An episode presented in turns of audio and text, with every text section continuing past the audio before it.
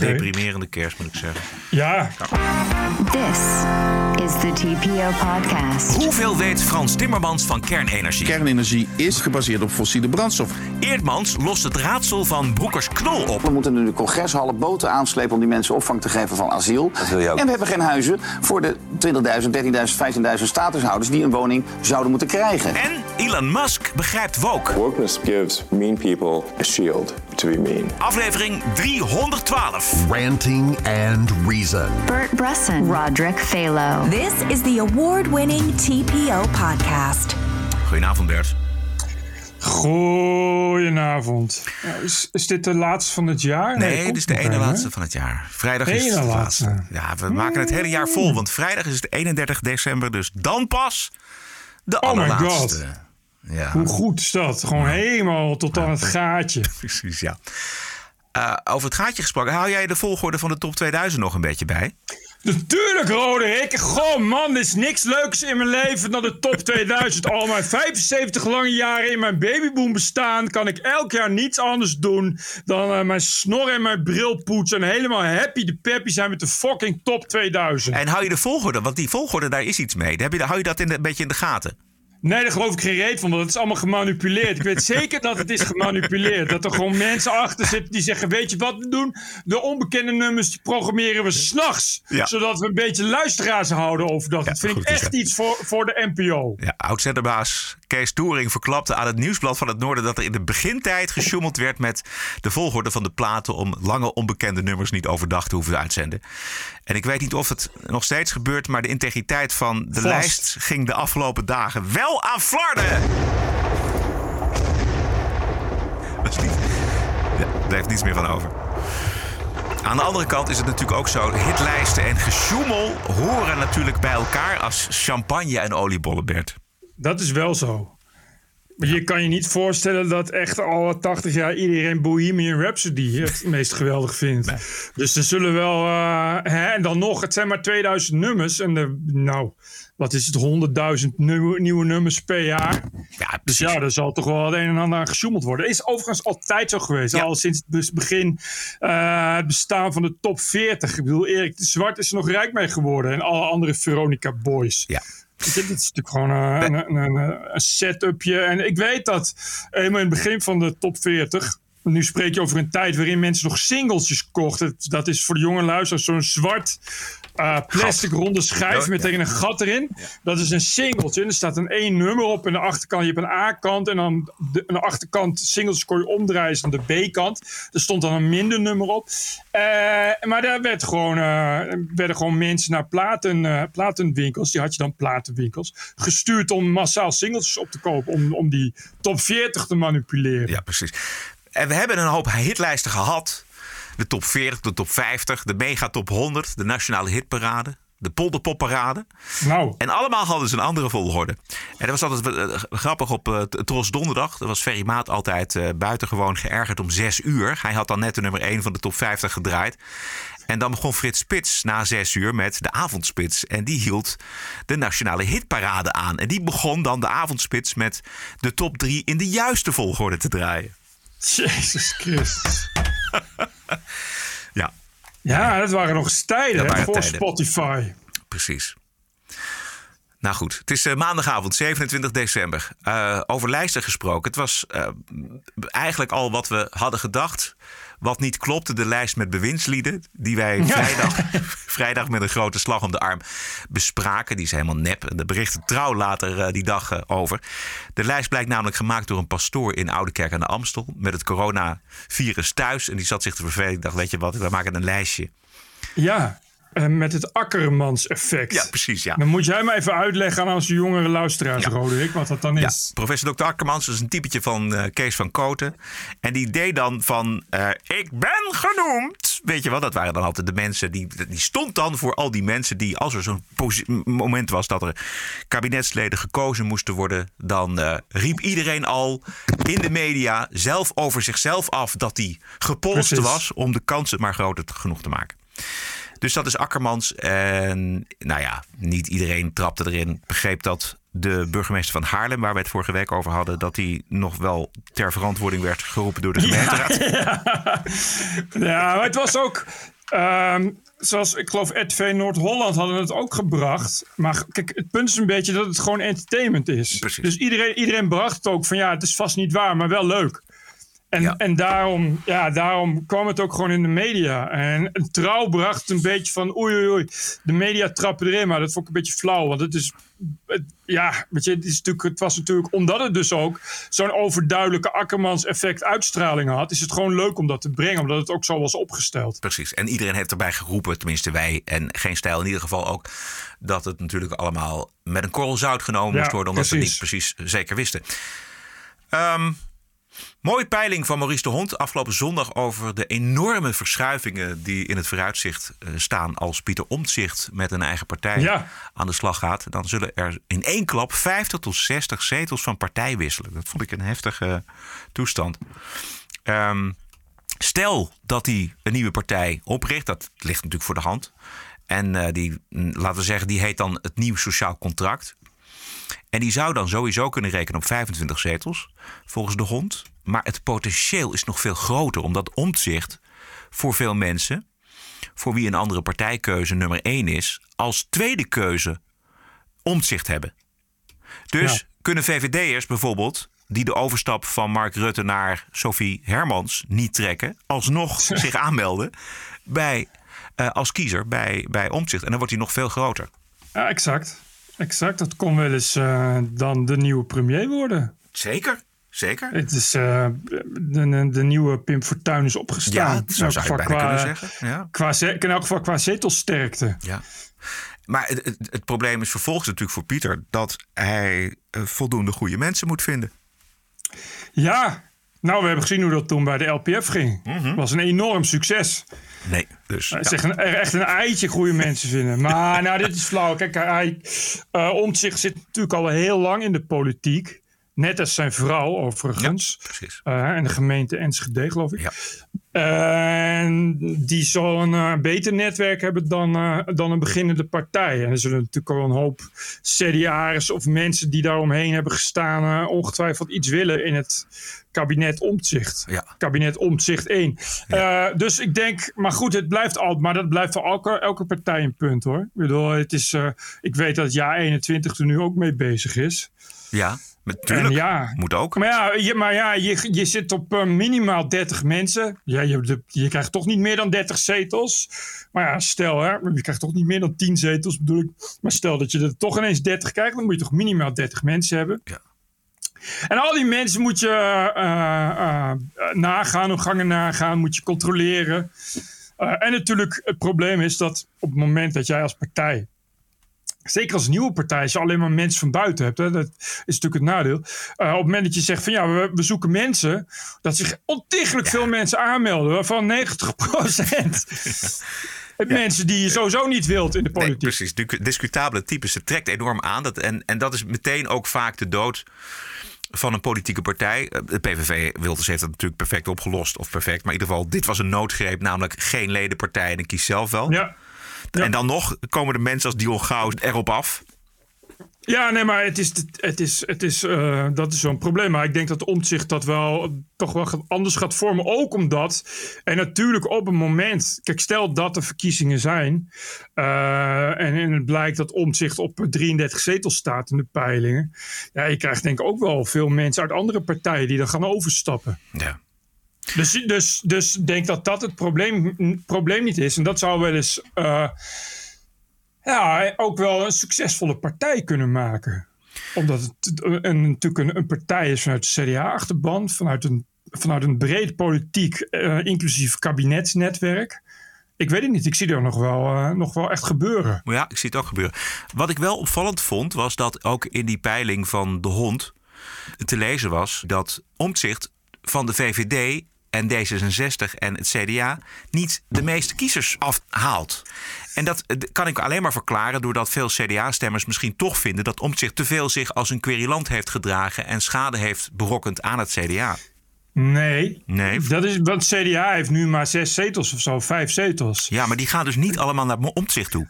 Nou, en die zitten, die zitten nu bij JA21 en BBB en Ja. eh, weet ik veel wat. En, die, en, volgens mij, daar, en die gaan vervolgens dan weer terug naar omzicht.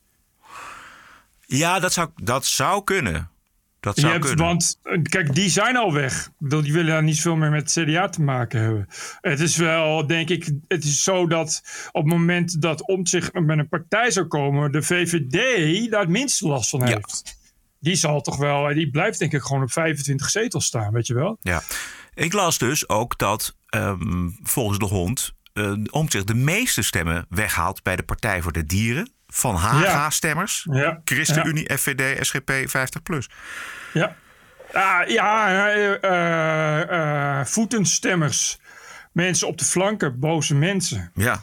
Eh, one-issue stemmers, proteststemmers. Ja, Men- die zien, mensen die ik- behoefte hebben aan een integere politicus. En Ja, zo- het zijn Ewald Engelen-lezers. Zijn Ja, het. ja, ja. Ik denk, ja, Ewald Engelen zal wel een goede minister zijn in het eh, kabinet, eh kabinet Omtzigt, denk ik. Maar Ewald is ook een beetje, heeft nog wat een tik van de marxistische molen meegekregen. Dus die gelooft Nou, nog. behoorlijk. maar dat geeft niet, denk ik. Alhoewel, ik weet niet, ik weet niet ja, wat zal het economisch beleid worden van, van, eh, van premier Omtzigt? Ja, Dat is mij een beetje onduidelijk. ja, die moet Ja. je, ja. Ja, die moet je ook nou allemaal op één lijn krijgen. Nou goed, ehm, ongelooflijk veel potentie. Maar toevallig hadden we het er de afgelopen vrijdag over. En eh, toch leuk dat eh, Maurice ook luistert en dacht van... hé, laten we eens even kijken ja, ja. wat het potentieel van omzicht is. Ik geloof dat CDA Ja. het- van alle partijen het meest eh, kwijt is aan de VVD. Ja, ja en het CDA blijft ook gewoon alles kwijt zijn. Ja, Want dit, voor de rest is dus stuivertje wisselen. Want al die mensen die zijn weggegaan naar de protestpartijen. Nou, die gaan dan weer naar omzicht of die blijven bij de protestpartijen. Maar er is niemand die nu nog naar het CDA wil.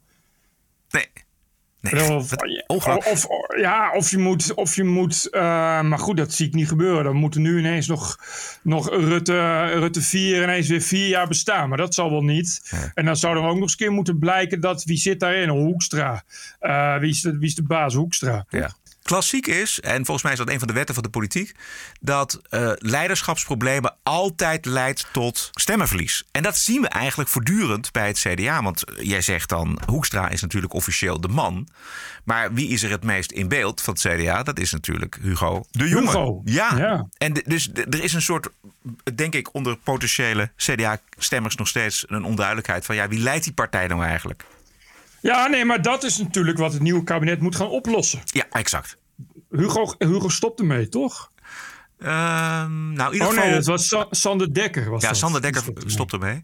Maar eh, Hugo de Jonge stopt wel op dit ingewikkelde dossier van Ja, wel, ja die, dus, dus die verdwijnt dan uit beeld. Ik bedoel, Ja. de reden dat hij in beeld is, is natuurlijk dat hij volksgezondheid doet en we nu in een pandemie zitten. Nou, Dus, de reden dat hij zo vaak in beeld is, is vooral dat hij zelf graag in nou ja, de, de- eh, primaire reden dat Hugo de Jonge in beeld is, is Hugo de Jonge. Eh, maar ik bedoel, hij heeft natuurlijk nu op zich, normaal gesproken hoor je niet zo heel veel per se van de minister van Volksgezondheid, Nee, maar nee. nu even niet. Ja. Dus wat hij ook gaat doen, die verdwijnt uit beeld. En de hoop is dan natuurlijk eh, dat, ja, Hoekstra is natuurlijk, natuurlijk de meest opgeruimde man die dat dan moet gaan doen. Maar of, dat, of dat ook nog gaat lukken onder. Zolang het onder Rutte blijft, het blijft natuurlijk een Rutte-doctrine. Dus ik zie dat niet geloven. Las je vandaag, vandaag was het vandaag, gisteren in de Volkskrant, het interview met Bas Haan.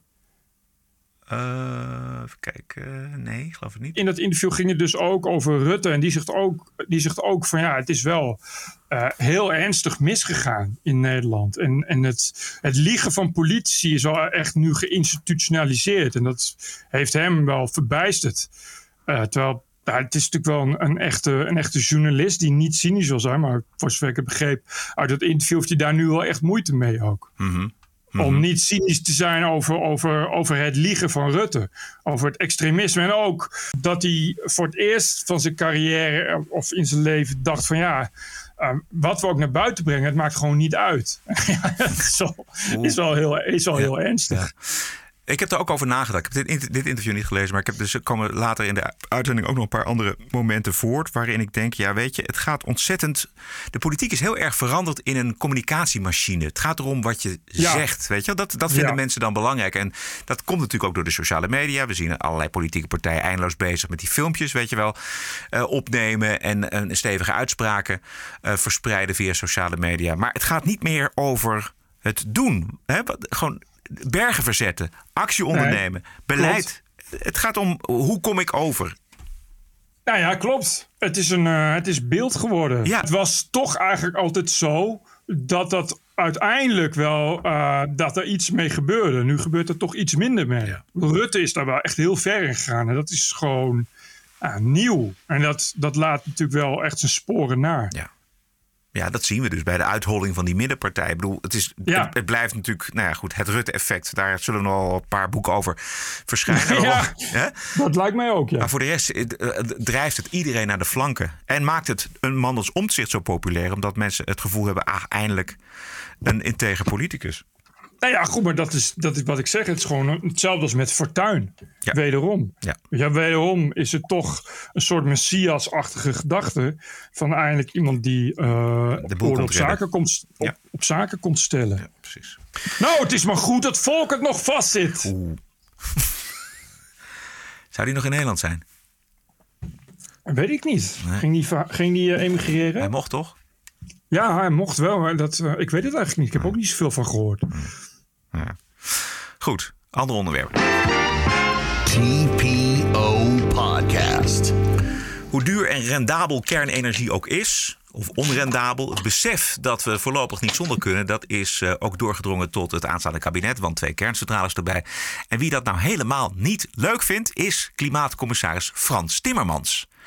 Timmermans die wil alleen maar gesubsidieerde windmolenparken en kilometers landbouwgrond met zonnepanelen en uiteraard bossen opstoken als biomassa. Ja, Dit is commissaris Timmermans afgelopen vrijdag op Radio 1. Let u even op de enorme weerzin tegen kernenergie. Mijn meeste zorgen over maken is of we snel genoeg ehm, hernieuwbare energiebronnen kunnen eh, bouwen. Hè? Dus windparken. Ja, maar dat gaan we doen. Wij gaan kerncentrales bouwen.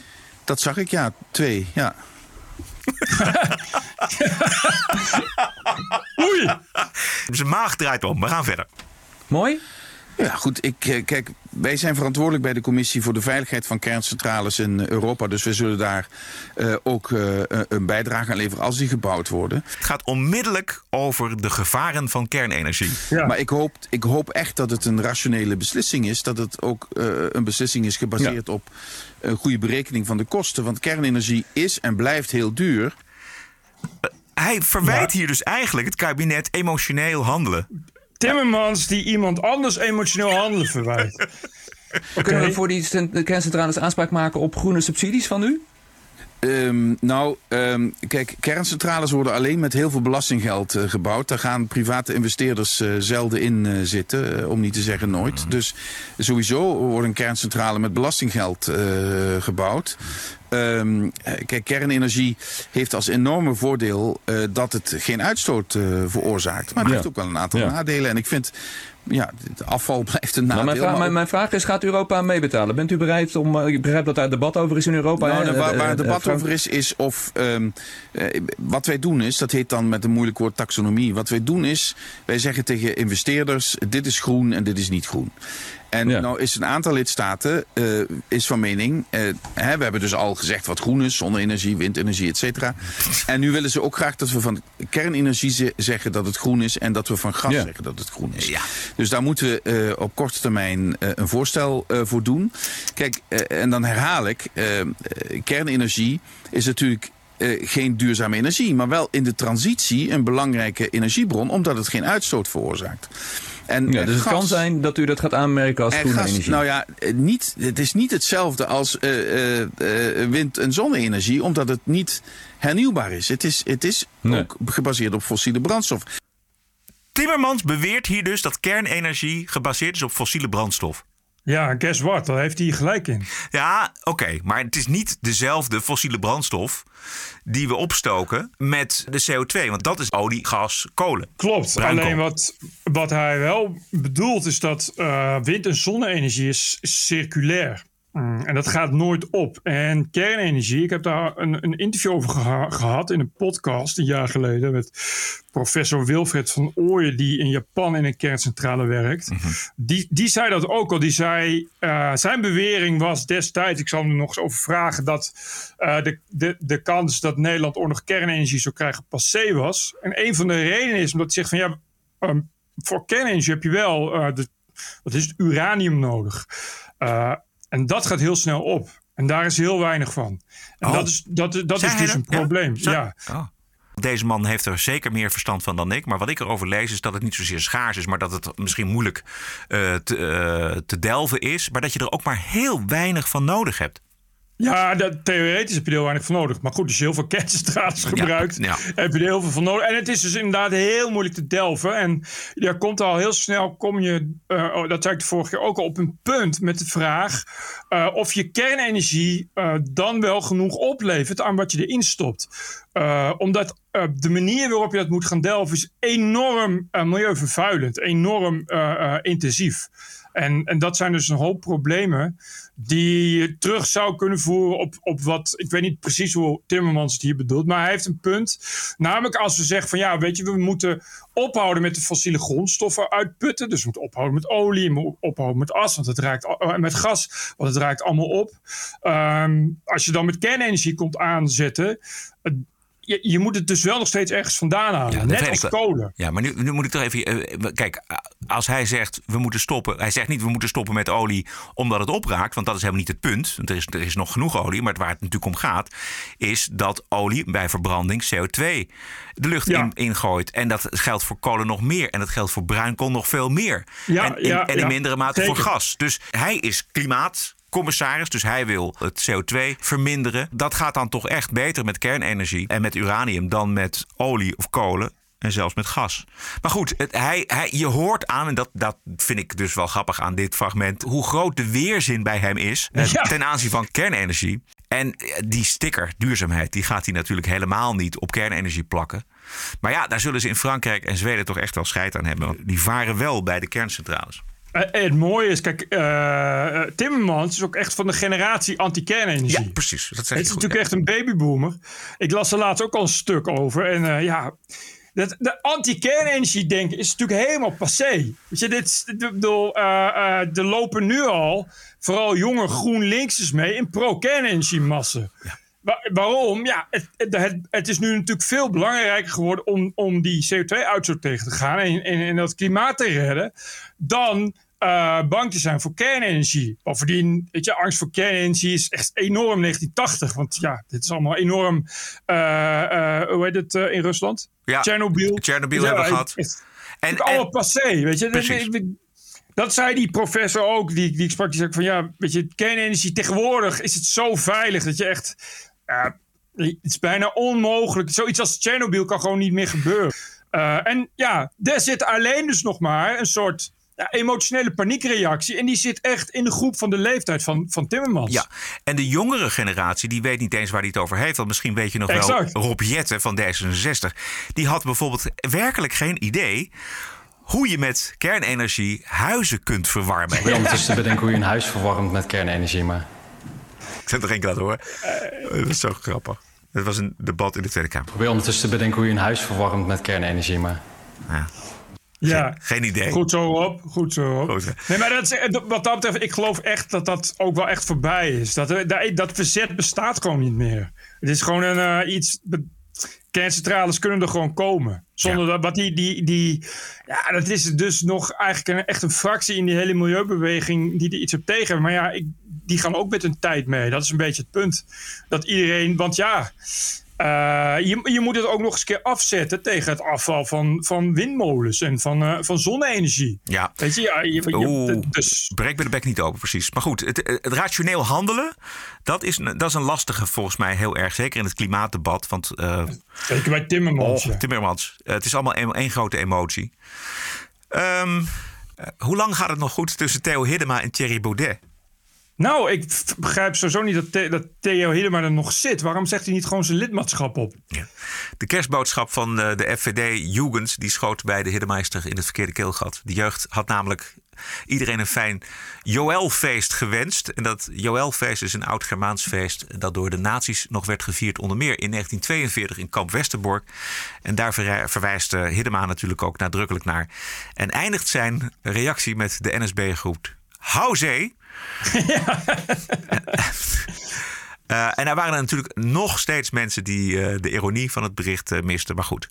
Hiddema die kwam dus na de hand ook nog met een toelichting. En die zegt: Ja, als we dit Joëlfeest nou al jarenlang vierden in ons land. dan was dit misschien gepast geweest. Maar er is geen sterveling in Nederland die überhaupt weet wat dit behelst. Dit doet dat clubje alleen maar om een bepaalde associatie na te streven. En daar word ik onpasselijk van, heeft ja. hij gezegd. Als je het Jodenleed blijft relativeren. dan krijg je daar last mee met mij. FVD reageerde zoals verwacht, namelijk we hebben het helemaal niet zo bedoeld. Ja. Uh, en uh, iets van, uh, maar we wilden gewoon, iedereen heeft dennen en lichtjes thuis, dus iedereen weet wel wat ermee wordt bedoeld. wat natuurlijk onzin is, ik weet 100% zeker dat JFVD daar bewust iets mee wil bereiken. Dat kan ook niet anders, want het hele Joëlfeest is gewoon ook weer ingevoerd door de nazi's. En dat had namelijk de reden omdat de nazi's het christendom uh, uh, terug wilden dringen. Dus hebben ze het kerstfeest vervangen door het Joëlfeest, waar echt verder nog nooit iemand van had gehoord. Dus je kan alleen maar een nazi-connotatie hebben ermee. Hoe lang gaat dat goed? Want dit vindt Baudet heel vervelend. Want dit heeft natuurlijk een dissident ja. nu. Ja. Dus ja, of de Hiddemeisters gaat weer opstappen. Ik weet het niet, voor de zoveelste keer. Ja, Hiddema zegt dat hij verder, het FVD, dat hij nog steeds uh, de standpunten geweldig vindt. En nog steeds een geweldige beweging uh, vindt. Maar dat hij het alleen uh, dus niet eens is met, nou ja, met dit soort vergelijkingen met, met, met de nazi-verleden en, en antisemitische opmerkingen en dat soort dingen. Maar dat, maar dat hij er verder wel... ja. Maar zou dat niet gewoon doorgaan, al die, dat antisemitisme en al die vergelijkingen? Ja, ja, tuurlijk. Vraag je ook af uh, wat Paul Cliteur nog heeft te zoeken, bijvoorbeeld. Die, zit nog steeds, die is nog steeds de wetenschappelijke afdeling van uh, FVD. Ja. En die zit, weet je, en dat is toch dat je, dat je je gaat afvragen waarom, wat moeten die mensen nog? Want het, ze delen daar helemaal niets mee. En uh, dat, dat complotgeklepper van, van Baudet, dat is natuurlijk helemaal niks ook voor die mensen. Ik zag Hiddema en daar daar zou nog wel eens nog veel meer mis kunnen, mee kunnen gaan. Want de Hiddema is natuurlijk een advocaat. En dat is natuurlijk echt een aanhanger van de rechtsstaat. En wat je ziet gebeuren is dat uh, die verhoudingen en daar natuurlijk de hele tijd een soort van poetsen, poetsen mee, mee bakt. Maar dus ook nu komt hij weer met al dat gelul over satanische rituelen. En dat het dan maar weer eens moet worden onderzocht. En ik zag Hiddema ook twitteren van... Goh, weet je, als het zo vaak gebeurt en er zoveel bewijzen van zijn... Waarom, waarom kom je dan niet gewoon met bewijzen zodat je daar aangifte van kunt doen? Ja. Waaruit maar duidelijk werd dat Hiddema er ook echt helemaal niets mee heeft. En ja, en ik denk dat, dat het dat het daar zou je denken, maar ik weet het ook niet. Ik vraag me wel vaker af. Dat ik denk van waarom, waarom zitten die mensen nog. Dat moeten ze toch lastig, toch lastig zitten dat ze verbonden zijn aan die naam. Ja. Je wilt nu toch niet, niet met het, met het FVD uh, uh, gezien worden? Steeds minder ook, volgens mij. Weet je wel, elke keer als die. Nou ja, precies. Dat, dat jongere clubje. En ook die gasten in de Tweede Kamer, daar is ook geen, niks goeds van te verwachten. Want volgens mij, de heer Maaster is ook gewoon gevaccineerd, volgens mij. Die denkt ook van. Ja. Uh, aan mijn lijf geen Polonaise. Laat mij, uh, laat mij gewoon gevaccineerd door het leven gaan.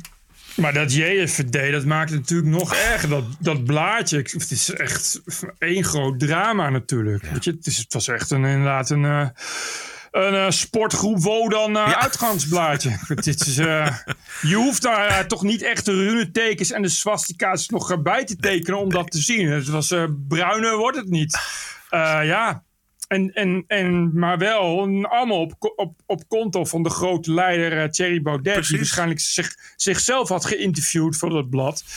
Maar ja, weet je, die, je wordt er dus mee geconfronteerd. Die Freek Jansen, die zit ook in de Kamer. Die komt ook rechtstreeks van het JFVD. Ja, de grote jeugdleider. The award-winning TPO podcast. Fractievoorzitter Joost Eertmans van Ja21 is in Denemarken geweest om te kijken hoe daar uh, om wordt gegaan met de voortdurende instroom van grote aantallen asielzoekers.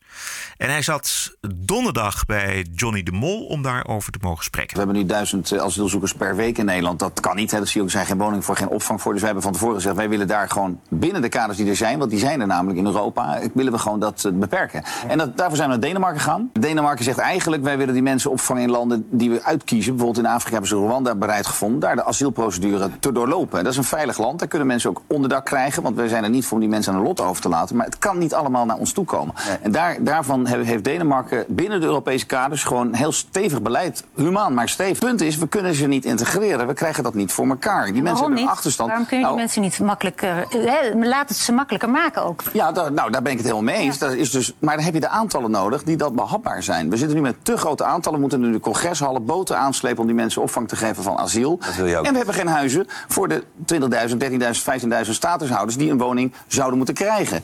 Maar dit is dus de meest simpele rekensom die je kunt maken. En nou weten wij nog steeds niet wat ze in Denemarken anders doen.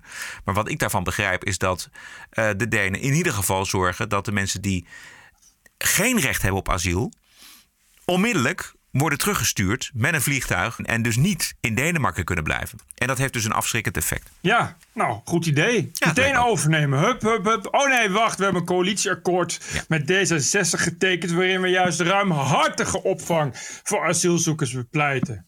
Dus eh, ja, dat zal dan wel niet.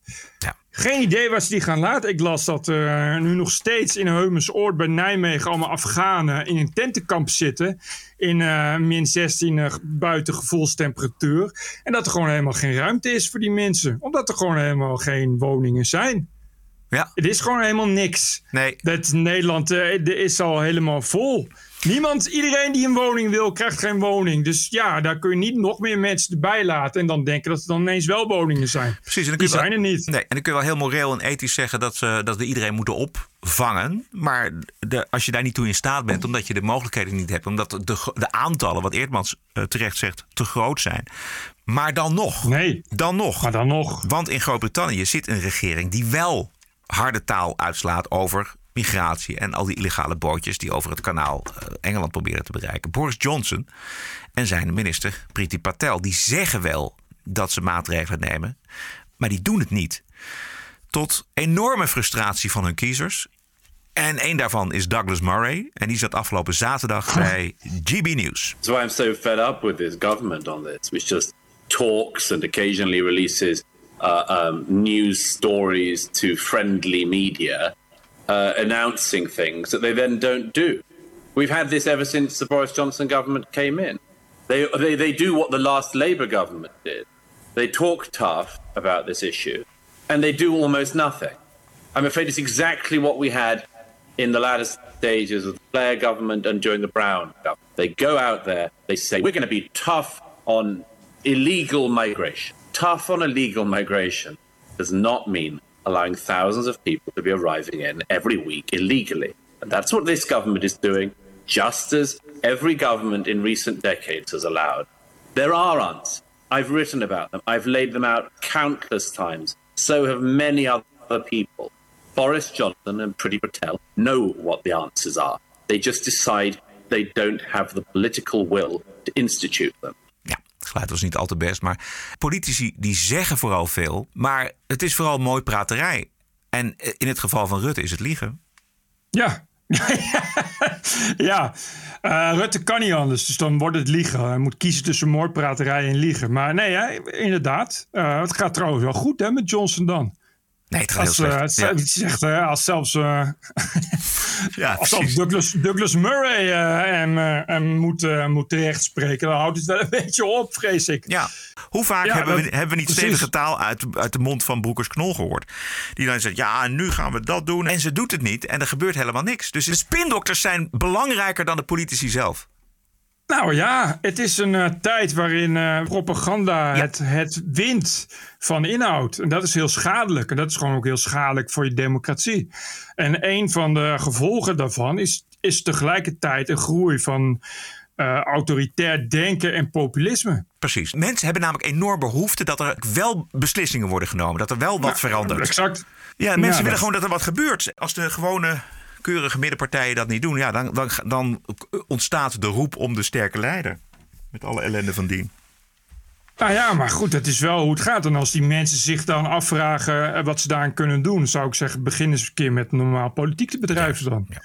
Je kan dat niet, eh, je kan dat niet altijd maar volhouden. Het gaat natuurlijk wel een keer, houdt het gewoon op. Ja. Mensen gaan dat op een gegeven moment ook wel, wel doorkrijgen. eh, en, en hebben dat dan op een gegeven moment wel gezien. En dat zie je. En, en wat je dus, maar wat je dus krijgt, dat het uiteindelijk gewoon zichzelf ook opheft. Je hebt nu overal eh, in heel Europa dat, dat ofwel eh, alles vergaat van de splinterpartijen. Ofwel dat je eigenlijk niet eens een kabinet meer kunt komen. En als je die wel hebt, is die drie weken later alweer, alweer weg. Of zoals in Zweden met een vrouwelijke premier die zes uur later alweer opstapt. Ik bedoel, eh, en, en, en dat erodeert wel volledig het vertrouwen van, van, van je democratie natuurlijk. precies. Over eh, sterke mannen gesproken, moeten we het nog even over eh, Poetin en Rusland hebben? Hoezo is hij nou al Oekraïne binnengevallen of wat? Als de Oekraïne is binnengevallen, dan praten we er verder over? Is, is dat een Ja, beetje... ik weet niet wat jij verder te vertellen hebt. Ik, ik bedoel, ik heb verder niks echt specifieks nieuws meegekregen oh, qua Poetin. Ja, het wordt natuurlijk wel spannend. Dat, alleen dus dat er nog die, die troepenopbouw gaat gewoon door. Nou. Er is niet echt twijfel over wat hij wil, laat ik het zo zeggen. Ik las eh, Dirk Sauer in eh Parool, Mhm, die kent Rusland eh, goed. Die zegt de Russen worden klaargestoomd, ook via de televisie Ja. vooral, voor een aanval op Oekraïne. En hij heeft ook in de jaarlijkse ontmoeting met de pers... heeft hij Poetin uitgebreid gezegd eh, dat, het, eh, dat Rusland met de rug tegen de muur staat. Ja. Eh, het is ook op de kop af 30 jaar geleden dat de Sovjet-Unie uit elkaar viel... tot levenslange frustratie van Vladimir Poetin. Ja. Dus ja, ik vind het wel spannend worden. En afgelopen week kwam er een bericht naar buiten dat Poetin ook weer 10.000 troepen aan het terugtrekken was. Maar dat schijnt allemaal heel weinig verandering te brengen. Zegt iemand van Atlantic Council, dat is volgens mij een strategische denktank, Ja. afgelopen week op eh, France 24. It's only 10,000 troops that returned to their bases, and those were troops who were on temporary maneuvers.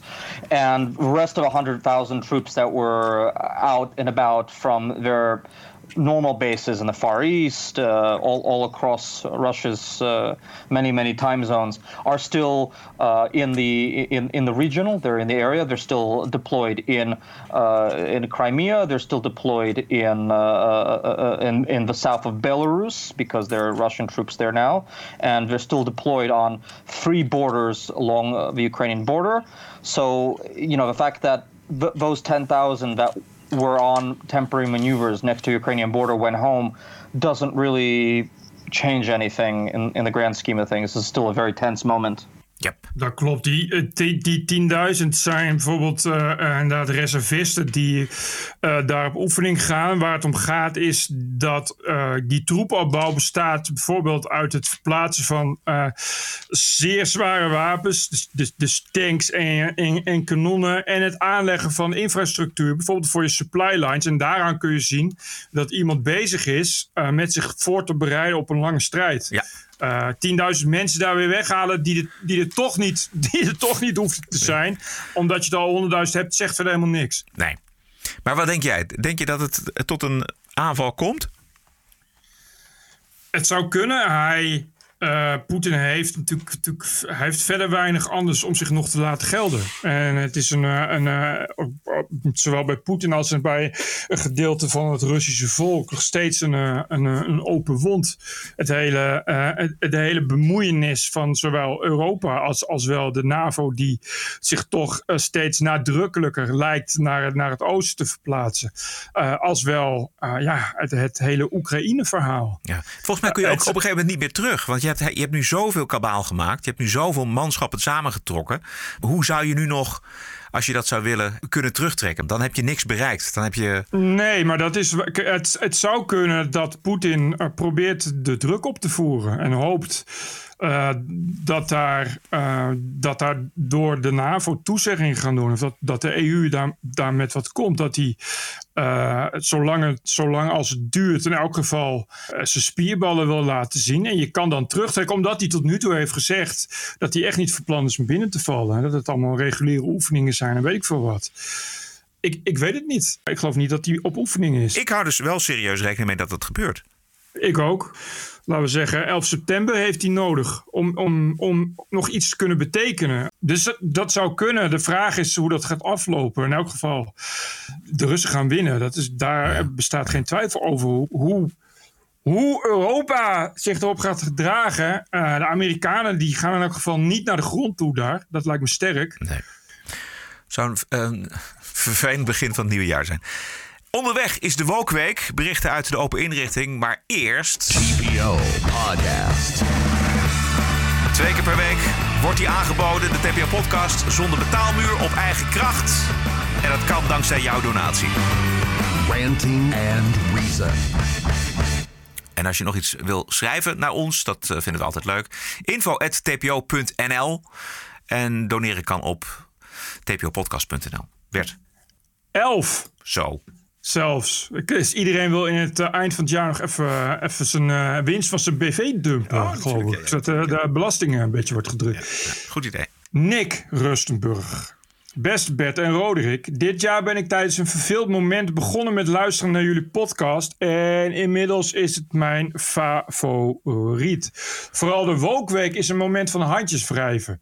Ik verbaas me steeds over de gebeurtenissen die in de Wokweek worden gedeeld. En gelukkig merk ik van dat Wokgeneuzel nauwelijks iets op de rechtenfaculteit van de Radboud Universiteit in Nijmegen. Oké, goed.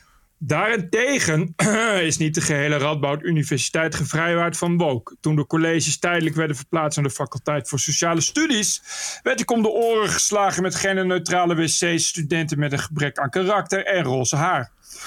En fan, na 37 afleveringen op de pof luisteren en vanwege een naderende kerst vind ik het welletjes. Daarom een donatie van 37 keer 1 euro per aflevering. Dus een mooi kerstpakket van 37 euro. Keep up the good work en vriendelijke groeten, Nick Rustenburg. Dankjewel, Nick. Alexander Kuhne. Goedenavond, heren. Hierbij mijn donatie van 208 euro Zo. voor afgelopen en volgend jaar. En dank weer voor een heel jaar Renting and Reason. Benieuwd of Bert ook dit jaar mijn achternaam zo mooi uitspreekt. Oh, en Kevin melden. Groet, fijne kerst en al het beste voor het nieuwe jaar. Alexander Keurne. Dank, Alexander. Pascal Schelfhout. Hallo Bert en Roderick. Na lang zwart luisteren toch maar besloten om een donatie van 25 euro te doen. En meer in het nieuwe jaar. Keep up the good work. Fijn. Martin Oostdijk. Goedemiddag heren, tijd voor mijn jaarlijkse bijdrage. Net 110 euro overgemaakt. Voor elke podcast 1 euro. En koop voor het restant maar een lekker stukje racistische appeltaart. En alvast de beste wensen voor het nieuwe jaar met vriendelijke groet. Martin Oostdijk. Racistische appeltaart? Ik weet het niet. Het is uh, waarschijnlijk iets wat we gemist hebben qua woke of zo. Ik weet het niet. Uh, dat zal, aangezien alles woke, alles racistisch is, zal appeltaart Ja, ja, ja. ook wel inmiddels uh, ten prooi zijn gevallen. Martijn Pronk. Ha, Bert. Net een mooie donatie gedaan als blijk van waardering. Het is mooi dat er nog een rechtsmedium bestaat dat redelijk is gebleven en niet mee is gegaan in alle misverstanden over corona. Wat mij betreft mag je dat zeggen in je waarderen en doneren. Mary Xmas en groeten aan Roderick. Groeten Martijn Pronk, Rotterdam. Martijn, dank je. Wouter Johan D. Beste Bert en Roderick, met veel plezier luister ik naar de TPO-podcast. Altijd goed voor een gemene schaterlach, als ook een verhoogde bloeddruk. Vooral de tenenkrommende woke-ellende maakt mijn dag. De open inrichting in de spotlight. Amsterdam, je zal er maar wonen. De VU of UvA, je zal er maar studeren. Sid Lucassen, je zal het maar zijn. Zolang deugd er eh, ons kleine landje blijft teisteren, reken ik op jullie. Jullie vertolken het geluid van zowel de onderbuik als het weldenkende brein. Dank daarvoor. Ik ben op dit moment in Cape Town en heb zojuist de laatste aflevering van de podcast met een paar stripjes wifi kunnen downloaden. Doneren ga ik zo via diezelfde brakke wifi ook proberen. Een paar munten komen jullie kant op. Keep up the good work. Groeten vanaf Rustenburg, Cape Town in zonnig Zuid-Afrika. Wouter Johan D. Goed aan Kaapstad. Dankjewel. Richard van den Bovenkamp. Let op, een positief bericht. Geachte heer mevrouw, het is in deze wereld vol opgefokte idioten wellicht onwaarschijnlijk, maar ik heb een positieve mededeling. Ik geniet namelijk met volle teugen van de TPO podcast. Sterker nog, ik ben gewend geraakt aan het stemgeluid van Bert B. Met vriendelijke groet uit het immer zonnige Almelo, Richard van den Bovenkamp. Wist ik niet dat het altijd zonnig is in Almelo. Hanno Kooiker. Hallo Bert en Roderick. Net eh, 50 knaak als kerstbonus naar jullie overgemaakt. Even een vraag. Als je een Patreon-lid bent, gaat dan alles naar jullie of ook een gedeelte naar Patreon? Ook een gedeelte naar Patreon. Want dan doneer ik liever direct. Dat zou ik ook doen. Of is Patreon voor jullie makkelijker? Nee, je kunt beter liever direct doneren. Ik luister altijd met plezier naar jullie podcast. Soms op of over de rand van mijn beeld van de wereld. Maar dat geeft niet. Houd mijzelf ook scherp. Jullie zijn geweldig op elkaar ingespeeld. En zitten toch maar twee keer per week zo'n pareltje in podcastland in elkaar. Ga zo door. Vooral Amerika heeft mijn interesse. Maar dat is nu wat minder omdat de gewone media daar ook wat minder over berichten. Goed dat jullie dit onderzoeken. Groeten vanuit het noorden van het land. Hanno Kooiker. Dankjewel, Hanno. Bertus Juurlink. Beste sprekers van het laatste bastion van rationaliteit. Bij deze wil ik opbiechten dat ik sinds aflevering 239 zwart geluisterd heb. Ik heb ook gelijk maar een aflaat gekocht voor een schamele 1 euro per aflevering. Maar als armlastige onderwijzer in een verkeerde CAO zit meer er momenteel niet in. Jullie podcasts zijn een verlichting van de lange autorit naar Lelystad. Met enige regelmaat zijn items uit de podcast onderdeel van het bovenbouw geschiedeniscurriculum in mijn lessen. Stof tot nadenken, dikwijls gevolgd door discussie met de leerlingen. Waarvoor dank. Ten slot wil ik, als ware ik Pavlik Morozov zelf, mijn compaan Bas, ook een notoire zwart luisteraar, nog even aangeven bij jullie. Bas, melden! Met vriendelijke groet, Bertus Juurlink. Dankjewel, Bertus. Mark. Zo op de valrep van 2021 weer een donatie van 104 euro. Overgemaakte ondersteuning van jullie nimmer aflatende inspanning voor het produceren van de onderscheidende en onderscheiden TPO-podcast. Daarnaast eindelijk een TPO Mok Plus t-shirt in de shop gekocht. Bij het verhogen van de frequentie naar twee wekelijks was ik enigszins bezorgd dat dit ten koste zou gaan van de creativiteit en inhoudelijke kwaliteit. Maar het afgelopen jaar hebben jullie het tegendeel bewezen. Met in het najaar als bonus Bert de Vlammende Vulkaanreporter. Gelukkig staat zijn huis er nog. Kortom, jullie woke-kritische geluid is meer dan ooit nodig. En dit zal in 2022 niet anders zijn. Dank voor de vele plezierige luisteruren en het allerbeste voor 2022. Met luisterrijke groet. Ook namens ons een mooi jaar. De laatste drie. Beste Bert en Roderick. Ik kijk uit naar weer een jaar met TPO podcasts. Het zijn wekelijkse lichtpuntjes. Ik heb zojuist een bijdrage van 52 euro overgemaakt om jullie aan te sporen vooral door te gaan. Vriendelijke groet, Thijs. Steven, beste Bert en Roderick, zojuist een donatie gedaan van 154 euro. In ieder geval op dinsdag en vrijdag maak ik een ronde door het Vondelpark en luister ik naar jullie verhalen. Meestal met een glimlach op mijn gezicht. Vooral bij de Wookweek luister ik met verbazing en bekruipt me een gevoel van weerzin over hoe al die mensen mee kunnen gaan in deze gekte. Vorige week hadden jullie het over wat zich op de Vrije Universiteit allemaal afspeelt. Hoe kun je christelijke afkomst zo verloochenen om de moslimstudenten te pleasen? Echt ongelooflijk. Waar eindigt dit? Ga zo door en dank jullie wel. Groeten, Steven. Steven, dank je. En de laatste, Harold Muis. Hallo mannen. Na een jaar sinds mijn laatste donatie wordt en vele excuses waarom het even niet uitkomt om te doneren, het weer tijd voor een donatie. Ik heb zojuist 104 euro gedoneerd voor twee, topshows per week. Het is een topshow en heeft dus waarde als het je iets doet. Soms ben ik het enorm oneens met jullie, maar niet gekwetst. Maar nog vaker ben ik het enorm eens met jullie. Wanneer je merkt dat je het gevoel hebt dat je terug kunt praten. Ik praat dus terug, vooral als ik het oneens ben. Creëer zo'n heerlijk huiskamergevoel. Ga zo door, mannen. Gegroet Harold Muis. Harold Muis en alle andere donateurs van de TPO-podcast, ontzettend bedankt. Er gaat wel iets veranderen in het nieuwe jaar. Wat er precies gaat veranderen, dat horen jullie aanstaande vrijdag. De TPO-podcast zit niet achter een betaalmuur. Hij is vrij verkrijgbaar, twee keer per week. Maar hij wordt niet kosteloos gemaakt. Er gaat tijd, liefde en noeste arbeid in. Dat geeft de podcast waarde. Hoeveel waarde? Dat bepaal jij. Een biertje in de kroeg kost je zeker 3 euro. Een tosti daar 5 euro. Een maandje Netflix is al 14 euro. Wat is de TPO podcast je waard? Ga naar tpopodcast.nl en doneer. Keep the show running. Want wat geen waarde heeft, is geen blijvertje. Dus ga naar tpopodcast.nl en doneer. Hartelijk dank. De deuren van de open inrichting staan open, zie ik. Daar gaan we naar binnen. I was offended and I have rights. TPO Podcast. You're an adult. Grow up. Deal with it. I don't care. care. Dit is de Wokweek. Een van de meest dramatische wokberichten deze week is van eh, Erdal Balci. Dat is een eh, Volkskrant-columnist en auteur. Waaruit Ja. blijkt dat de woke en eh, het racisme eigenlijk hand in hand gaan. En elkaar op een hele giftige manier stimuleren.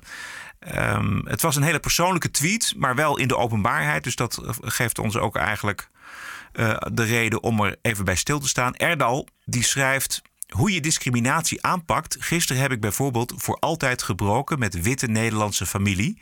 Die suggereerde dat mijn boek door mijn migratieachtergrond was genomineerd voor een literaire prijs. En niet vanwege de literaire inhoud. Nou, waarschijnlijk is dit een, een hele domme racistische familie. eh, die het prachtige Ja. oeuvre van Erdal niet kent. En zich gevoed weet door de eisen van bijvoorbeeld de Raad voor Cultuur. om kunstprijzen langs de lat van diversiteit en inclusie te leggen. Ik vond het echt een heel vreselijk en dramatisch bericht van Erdal. Wat hij niet verdient. Wat wel aantoont hoe racistisch woke is. Precies. Nou, als je niet de goede Turk bent, dan ben je gewoon een, een fou- foute Turk. Weet je, je moet, wel, je moet het wel via volgens de woke-standaarden doen. En anders dan, eh, dan kun je, ma- mag je wel de grond in worden getrapt. de politiek van de, eh, inclusie en diversiteit, die zorgt er bij mensen ook voor dat ze gevoed worden in ja, hele racistische gedachten. Ze worden juist heel erg gevoed door racistische gedachten. Juist ook omdat het allemaal via eh, een megafoon van propaganda gaat. Ja. En, en, en, en er is alleen maar eh, plek voor eh, asielzoekers in je huis als je ego er beter van wordt. En zo is er ook alleen maar plek voor Turken en Marokkanen. Als ze zich eh, net als jij elke dag afzetten tegen racisme en vertellen dat alles racistisch is. Als ze dat niet doen en daarbovenuit stijgen en een talent hebben en daarom een belangrijk literair werk schrijven wat een prijs wint. Dan is het ineens de verkeerde Turk en dan is het ineens, heeft het niks te maken met talent. Want dat kan niet. Nee, precies. Dat, hoort niet, dat mag niet, want je hoort natuurlijk afhankelijk te zijn als zielige Turk van eh, de, de dappere racismebestrijders. Nou was dit waarschijnlijk toch echt wel een hele domme racistische familie. Want die, heeft, die kent dus het, het ehm, oeuvre van Erdal Balci niet. Ehm, eh, terwijl, hè, want als je dat wel kent, dan, dan, dan maak je niet zulke domme opmerkingen. Nee, die familie die maakt zo'n opmerking omdat zij weten dat bijvoorbeeld de Raad voor Cultuur selecteert op eh, etnische achtergrond als het gaat om subsidie en prijzen. Nou, of het gaat, dat boek gaat vooral over hun. Omdat, het, omdat in dat boek duidelijk helder wordt uitgelegd eh, eh, hoe, hoe Nederland nou, in dat soort uh, allochtonen opvangt in, in het kader van meer zieltjes voor de PvdA en voor meer progressieve families die zich er beter bij voelen. Dus ja. zullen zich wel hebben herkend in dat boek. Ja, dan is het natuurlijk wel zo pijnlijk als het boek dan in de prijzen valt. Of, of weet ik veel wat. Maar ik vind, ik vind het wel vond zo, zo heftig bericht eigenlijk. Want als het dus een, een, familie is waar je dus definitief mee breekt. Je breekt eigenlijk maar definitief met iemand of met een familie die je heel goed kent. Ja. Toch? Ik hoop niet ja, dat het zijn schoonfamilie is. Want hij is getrouwd nee, met een hele leuke niet. vrouw. Ja, nee, ik weet het niet. Maar, het, ja, maar ik, ja. ik begrijp wel dat je dat op een gegeven moment... dat je daar dan wel klaar mee bent. Nou, dat denk ik zeker. Als, als je Al dat, helemaal. Moet je voorstellen als dat je, dat, als je dat op, je, op het kerstdiner voor je voeten krijgt... dat iemand zegt van ja, nee, maar... Uh, jij krijgt die prijs of jij bent genomineerd... alleen maar omdat je een andere culturele achtergrond hebt. Nou ja, juist niet zou ik zeggen. Dat is ook het hele punt. Natuurlijk, het hele, het hele idee van het boek is dat hij, dat hij uh, feilloos laat zien uh, hoe, je, hoe je er niet toe doet als je van een andere culturele achtergrond bent, als je niet normaal verhoudt naar de, naar de zieligheidsindustrie ja. als, als allochtoon. En dat doet hij op een geraffineerde manier. Maar hij, hij toont ook aan uh, hoe, hij daar, hoe hij daar zelf gebruik van heeft gemaakt als journalist. Hè, door inderdaad uh, zielige verhalen over zielige allochtonen te schrijven. Ja. Voor trouw. Ja. Uh, en, en, en daar inderdaad zichzelf makkelijk kon vermarkten door te zeggen: Ik ben een allochtoon, ik ben een, ik ben een zielige Turk. Kijk mij, eens, kijk mij eens goed bezig zijn. Maar ook hoe hij in het boek beschrijft. Uh, hoe die een, een, relatie krijgt met een blanke linkse vrouw. En hoe die linkse vrouw inderdaad ja, toch vooral hield van, van allochtone mannen. Omdat ze de allochtone mannen zo leuk zielig vond. Ja, precies. En zo leuk, lekker exotisch anders. Ja, uh, ja. Yes, is, hij, hij toont rachvaar aan hoe verschrikkelijk, hoe verschrikkelijk het is. En hoe die daar met, met veel moeite en pijn dat heeft moeten breken, zichzelf daaruit omhoog heeft moeten werken. Ja, precies. Als er iemand weet hoe die industrie werkt en uh, alle linkse vooroordelen, dan is het Erdal Balci. Zijn journalistieke en literaire kwaliteiten die zijn boven elke twijfel verheven.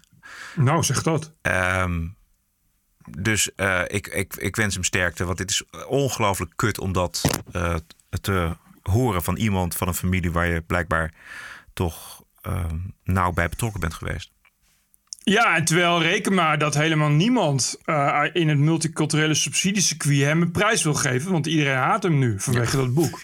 Precies, ja. Dus ja. dat kan dan alleen maar een prijs hebben vanwege talent en vanwege de literaire inhoud. Niet vanwege dat hij, dat hij is, want daar valt hij buiten. Ja, net als hij is, zeg maar, net als Lale Gul is hij natuurlijk uh, iemand die vooral heel hard wordt gehaat door iedereen nu. Dan de oproep van de FNV om geen podium te geven aan de PVV-stemmende arbeiders. Dat, uh, die oproep slaat toch wel heel hard terug in het gezicht van de vakbond. Er wordt massaal lidmaatschap opgezegd. Ik heb het gezien. Ik weet niet hoeveel dat zegt. Ik bedoel, ja, ik je, weet het ook precies, maar... een, een, ranglijst ja. van een site van opzeggen.nl. Ja, dat zegt niet zoveel natuurlijk. Uh, wat ik wel weet is dat de FNV dit zich maar niet kan herpakken daarin. Dat hebben ze al eerder, hebben ze dit ook al gedaan. Elke keer als de PVV met iets in nieuws is, komen ze met dit soort onzin. Uh, wat echt een enorme weerslag heeft natuurlijk. Zeker op Twitter, zeker op social media. Het lijkt wel alsof ze daar maar geen afscheid van kunnen nemen. Wat vrij dom is. En wat vrij treurig is. Misschien moet je daar gewoon eens een keer wat volwassener in worden. En daar dan ook een keer af, af, afstand van, van kunnen nemen. En, en, en durven zeggen: uh, de FNV uh, is dus.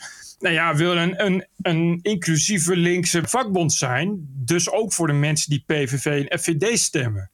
En niet de hele tijd maar jezelf beter laten voelen door te zeggen FVD en PVV is stom. Want ja, dat is toch een beetje 1970. Maar volgens... het is geen 1970 meer. Nee. Maar volgens mij kent de FNV zijn eigen ledenbestand helemaal niet. Want daar zitten namelijk heel veel mensen van kleur, mensen met een andere culturele achtergrond, mm, die gewoon ja. keihard PVV stemmen.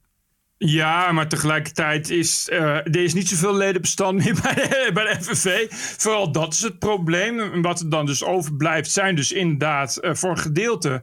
ja, de linkse babyboomers van de leer... Die zich, die zich profileren door zich nog steeds af te zetten... tegen zogenaamd extreem rechts. Uh, het punt is, en dat weet ik, uh, is dat er, dat er die, die FNV is natuurlijk uh, de infrastructuur, zoals de manier waarop die is gevormd, is natuurlijk een typische communistische samenleving met veel, veel inspraakraden. Ja. Grote vraag is, kunnen we het woktij nog keren? De Canade nee. nee, precies. De Canadese hoogleraar Erik Kaufman die denkt ook van niet. En hij zat gisteren bij GB News. If we wait for the day when all academics somehow discover their inner courage and rise up, I just don't think that's going to happen anytime soon. And in fact, this is a really important point. This problem is going to get worse. It's not going to get better. And one of the reasons is because it's very generational. If you take academics under the age of 35 and over the age of 50, the academics under 35 are twice as censorious, twice as likely to back cancel campaigns as those over 50. Not because they're academics, it's the same pattern outside academia. So we have a generation that's entering the profession and all organizations that is much more intolerant just to give you a statistic, by the way, from the uh, FIRE, the Foundation of Individual Rights in Education, did a survey of 37,000, I think, students that found 7 in 10 of them believe that if a professor says something that offends the student, that professor should be reported to the university. Okay. This is the generation that's coming in. The problem is going to get worse. Zeven van de tien studenten yep. Die vinden dus dat een leraar of een docent moet worden gerapporteerd als hij uh, iets zegt per ongeluk of expres uh, wat een student in, uh, in, in de collegebanken pijn doet. Nou ja, alles wat hij zegt. Ja. Het is een generatieding. En Ja. deze generatie is nog maar net begonnen. Ja. Sterker nog, die blijft nog komen. Het gaat nog wel even duren voordat dat ophoudt. Voordat er een tegengolf komt waardoor het minder wordt. Die, die nieuwe generatie, maar die is nog heel jong. Die zit nog niet op de universiteit. En tegen die tijd zitten deze van de woke-generatie goed in het zadel. Eh, en, en, en is de verwoking, eh, verwoking compleet, vrees ik. Ja, precies. Ik had, ehm, eh, wat was het afgelopen zaterdag, een gesprek op Radio 1 over woke. En daarin zaten ook eh, de kunstcritici van Kirak, Stefan Ruitenbeek en eh, Kate Sina. En Kate die zei ook van, di- we- we- ze hebben al gewonnen. We- het is al, de, Juist. de woke cultuur Juist. is al die, dominant. Dus de vraag is hoe je daarmee omgaat als enkeling.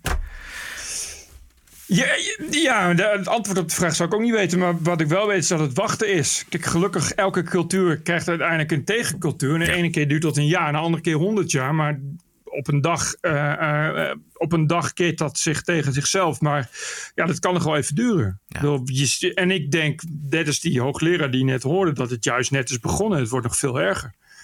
Het is nu, kijk, eh, wat je ziet bijvoorbeeld met, met de kunstsubsidie in Amsterdam.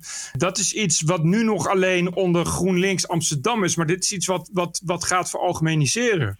Wat mensen die in alle posities van de kunst en cultuur zitten. st- straks heel normaal gaan vinden. Ja, en, het is- en, en dan is het dus, dus volledig, volledig doorgecijpeld naar alle gelederen. En dan blijft het gewoon Precies. een tijd zo. Het is geïnstitutionaliseerd.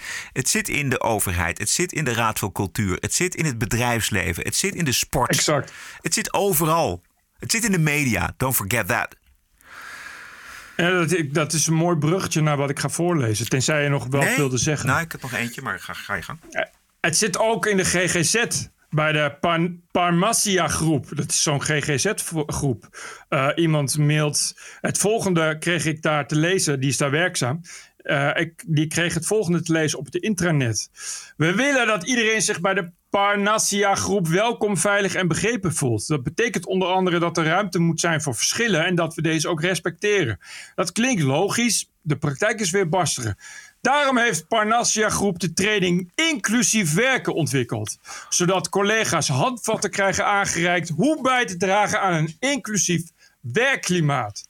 Tijdens de training krijg je inzicht in jouw eigen culturele bagage en hoe deze direct of indirecte interactie in de samenwerking met jouw collega's beïnvloedt. Wat een smeerlapperij dit. Je krijgt handvatten aangereikt om makkelijker met collega's in contact te komen en belangrijke thema's bespreekbaar te maken. Daarnaast dagen we je door het maken van praktijkopdrachten uit om als ambassadeur bij te dragen aan een inclusieve werkklimaat. In het kort. Puntje 1. Ken jezelf. Reflecteer op onze eigen achtergronden, vooroordelen en privileges. Puntje 2. Raak bekend met de ander. Leren hoe bij botsende normen en waarden met elkaar in dialoog te treden. Puntje 3. Kijk met elkaar hoe je concreet kunt toewerken naar meer inclusie op de werkvloer. De inzet is dat deze zelfkennis een goede samenwerking binnen de teams en een openheid naar onze diverse patiëntenpopulatie bevordert. En hier komt het. Het bedrijf Study to Go zal de cursussen verzorgen. Niemand uit ons team heeft zich ingeschreven voor de cursus. We hebben tenslotte wel wat beters te doen gezien de werkdruk en de lange wachtlijsten binnen de GGZ. De problemen in de GGZ zijn talrijk en diversiteit en inclusiviteit horen daar in elk geval niet toe. Al dus de anonieme inzetter. Geweldig. Meer van dit soort eh, intranet oproepen uit het bedrijfsleven bij de overheid of waar dan ook, GGZ. Want dit is er aan de hand in Nederland. Ook al is het dominant en ook al worden we gedwongen, toch moeten we blijven protesteren en moeten we dit blijven benoemen. Want anders dan eh, gaat het onderhuids en dan zijn we helemaal verloren volgens mij. Zo- zo- Zo'n bedrijf ook, hè? dat is gewoon een bedrijf, denk ik, dat gewoon eh, eh, van, alles, van alles aanbiedt aan bedrijfstrainingen en opleidingstrainingen. Dus ook een, ook een onbewuste voordelen. Ja. Ik, zou even, ik zit te kijken, Study to, go, Study to Go is live online leren. Oh, inderdaad. Zeg, ontwikkel je kennis op het gebied van inclusiviteit en diversiteit, autisme, verslaving en nog veel meer andere thema's. Ja, ja. Ach, wat leuk. Ja, dit is, Cultuursensitief werken. ja, dit is zo'n goudmijn, jongen. De prijzen staan er ook bij. Vertel. De cursus Cultuursensitief werken en vroegste in je lering van LVB en GGZ-problematiek bij migrantenjeugd Vijf online sessies van anderhalf uur voor 295 euro. Per persoon. Cursus, ja, dat weet ik niet. Dat zal wel. Ja, dit is gericht op, op personen. Dus het is inderdaad per persoon. Cursus samenwerken aan een inclusieve werkomgeving. Drie live online sessies, 180 euro. Cursus diversiteit loont, uitroepteken. Bouwen aan een inclusieve organisatie. Vier live online sessies van anderhalf uur, 240 euro. Het is allemaal ideologie. Leuk. Er wordt hier een ideologie verkocht in Nederland. Die gaan als warme broodjes over de toonbank. Pervers als je Ja. ziet wat ze verkopen. Het is gewoon, gewoon, eh, het is gewoon eh, ja, het is gewoon eh, toch een soort bijna oplichting. Ja, Want het zijn ook nog eens een keer mensen die dan van zichzelf zeggen dat ze expert zijn op het gebied van diversiteit en inclusie. Vreselijk. En terwijl zij dus, ze spelen daar psycholoogje. Want ze, hebben het, ze, ze proberen bij mensen naar binnen te gaan in het hoofd. En proberen aan te tonen, of kijk eens eventjes. U heeft ehm, onbewuste vooroordelen. Ze gaan peuren in iemands onbewuste alsof ze daartoe uitgerust zijn. Het zijn geen psychologen. Dit is ongelooflijk. Het is gewoon helemaal niks. Nee, het is helemaal niks, jongen. Het zijn mensen die dan zeggen: ja, maar ik heb een kleurtje, dus ik ben expert op het gebied van eh, diversiteit en inclusie. En al die bedrijven die maar ja knikken, die zeggen: ja, klopt. Ja hoor, ja, kom maar binnen. We hebben er een budget voor. Hier ook. De weg van de vluchteling vanaf thuisland tot de ontmoeting met jou. 60 euro. Het, weet je, het lijkt wel, eh, het lijkt wel gewoon Jiske Vet die cursussen bedenkt in het buurthuis. Alternatieve geneeswijzen en migrantenjeugd. 75 euro. Ik heb nog één dingetje, een, een dingetje van hoop. Mhm. Eh, Tesla-man Elon Musk, die was vrijdag de gast in de podcast The Babylon Bee. En Oh het ging onder meer over... Jij kent die? Ja, de Babylon Bee is zo'n eh, soort de speld, maar dan eh, internationaal dan groot. Oké, maar goed, het is best wel aardig. Want ze zitten wel met z'n vier of met z'n drieën zitten ze aan tafel. En dan is er één gast.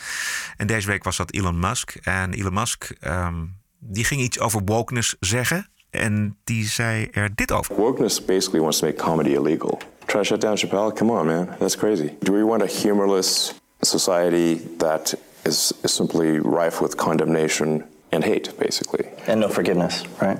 Yeah. At its heart, it basically gives mean people a shield to be mean and cruel, armored in false virtue. Ja, hij zegt de kern is, van woke is verdeeldheid, uitsluiting en haat. En het geeft gemene mensen een schild om gemeend en wreed te kunnen zijn. Gepantserd door valse deugdzaamheid. Het is wel zo. Ja, zeg. Heel goed. Het is, eh, hij zegt, het- dat is, zegt hij wel, een beetje de kern van de zaak. Ja, het geeft mensen gewoon een, eh, ja, een wapen waar, waarvan niemand vindt dat het een wapen is. Precies, een vrijbrief, ja. Een vrijbrief, ja. Een boterbriefje. Ja, want als je aan de goede kant van de geschiedenis staat, Bert, dan mag je alles doen. Ja, maar dat dus. Ja. Nog nooit heeft, heeft een generatie zo, zo gemakkelijk zichzelf kunnen uitleven op hun wraakgevoelens. Ja, dat zeg je heel goed. Ja. What a woke week it was. This is the TPO Podcast. TPO Podcast. Ladies and gentlemen, the President elect of the United States.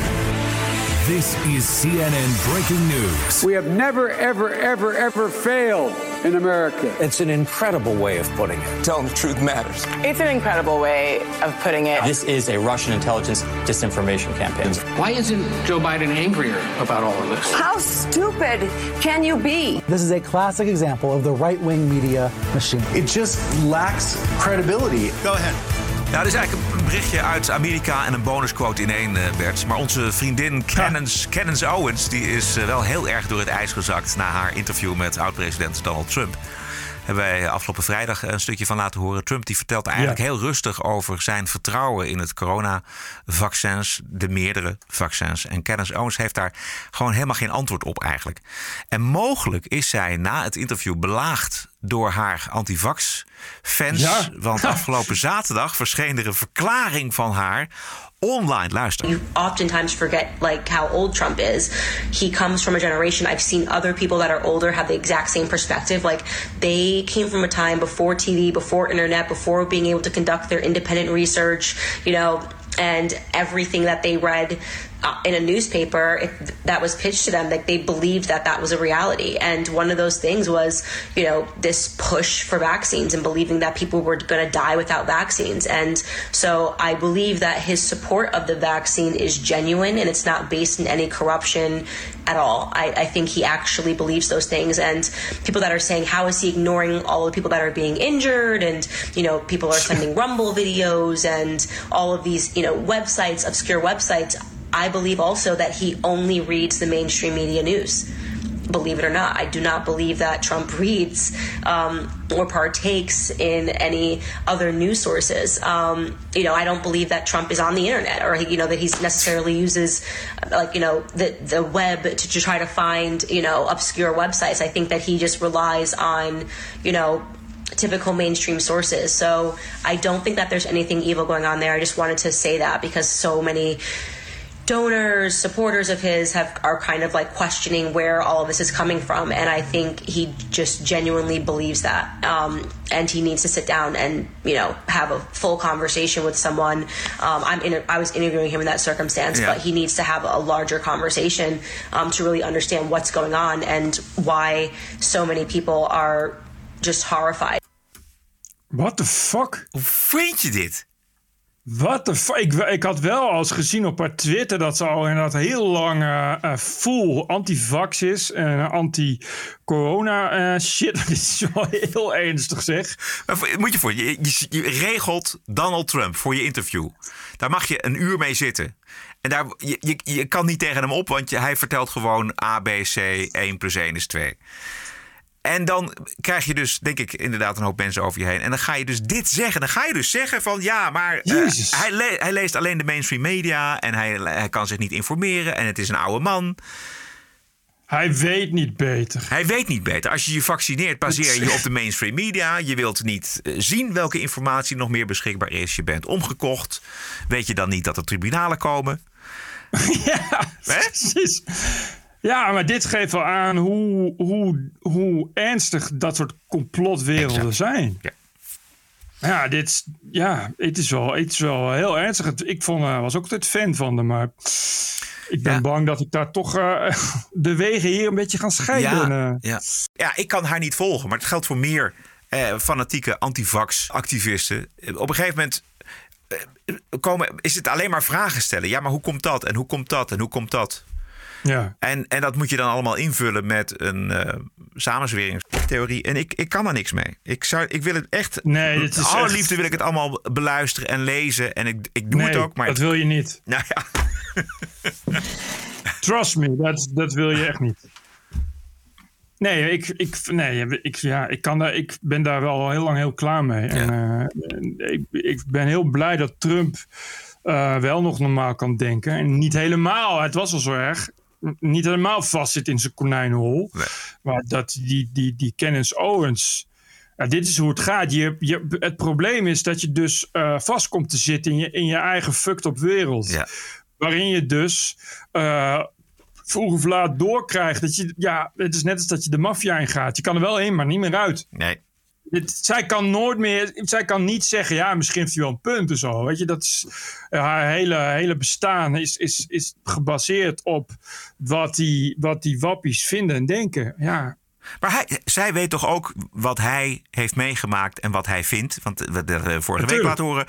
Dan bereid je toch voor, dan ga je toch je argumenten verzamelen. En dan ga je toch een goed, goed Ja, debat met hem er voeren. Die zijn er niet. En dat, dat heeft zij perfect aangetoond, want ze kon niks. Nee, dat is dus- het probleem. En je, die, je, kan dan niet. eh, de argumenten zijn ja, maar er zijn ook heel veel filmpjes op Rumble van mensen die zeggen dat ze heel erg ziek zijn geworden van het vaccin. Ja, maar ja, er zijn eh, een miljard filmpjes van, van allerlei onzin. Dus die, je kan daar niet. Je kan niet. eh, Trump kan niet zeggen ja, maar ik, kijk, Trump zegt dan van ik ben in een ziekenhuis geweest. en de reden dat ik nog leef is dat de medische wetenschap precies wist wat ze deden. Het is heel droevig. Want dat gaan, al, die, al die complotondernemers gaan dat vroeg of laat komen, ze- gaan ze hier op, hier op stuk lopen. Het is Ik jammer, kan, je, ik kan je dat echt nu al vertellen. Want al die lui die zitten nu nog met ja en maar de gevolgen op lange termijn. Ik weet 100% zeker dat die er niet zijn en ook niet gaan komen. Dus er komt een dag, en dat kun je heel lang rekken. Als je het over 20 jaar zegt, ja, maar laten we wachten tot het 30 jaar is. En als het 30 jaar is, zeg je laten we wachten tot 50 jaar. Maar er komt een moment dat mensen zeggen, waar blijven nu de gevolgen op lange termijn? Ze zijn er niet. Hè? En dan moet je zeggen, nee. Dat is inderdaad, eh, inderdaad eh, heb ik daar eh, volledig ongelijk in gehad. het is wel jammer van Cannons, want het is een zeer getalenteerde dame, maar ook Ja. gevangen inderdaad in de konijnenhol van haar eigen ideologie. Wat de COVID Kennelijk. betreft. Ja, jammer. Kennelijk. Goed. Dat was het. Zullen, we er een eind aan breien? Ja, doe dat. Dat doen we. Dit was aflevering 312 van de TPO-podcast. Elke dinsdag en vrijdag op Spotify, Apple Podcast, iTunes en tpopodcast.nl en YouTube. Hou deze podcast in de lucht met een financiële ondersteuning. Elk bedrag is welkom. Eh, wat is het waard? Dat is, dat is de vraag. En onze website, daar eh, staat hoe je kunt doneren. Eh tpopodcast.nl En we zijn terug. Vrijdag 31 december, de laatste show van het jaar, Bert. Ik zou zeggen, stay cool. En tot vrijdag! TPO Podcast. Bert Bruson, Roderick Balo, ranting and reason.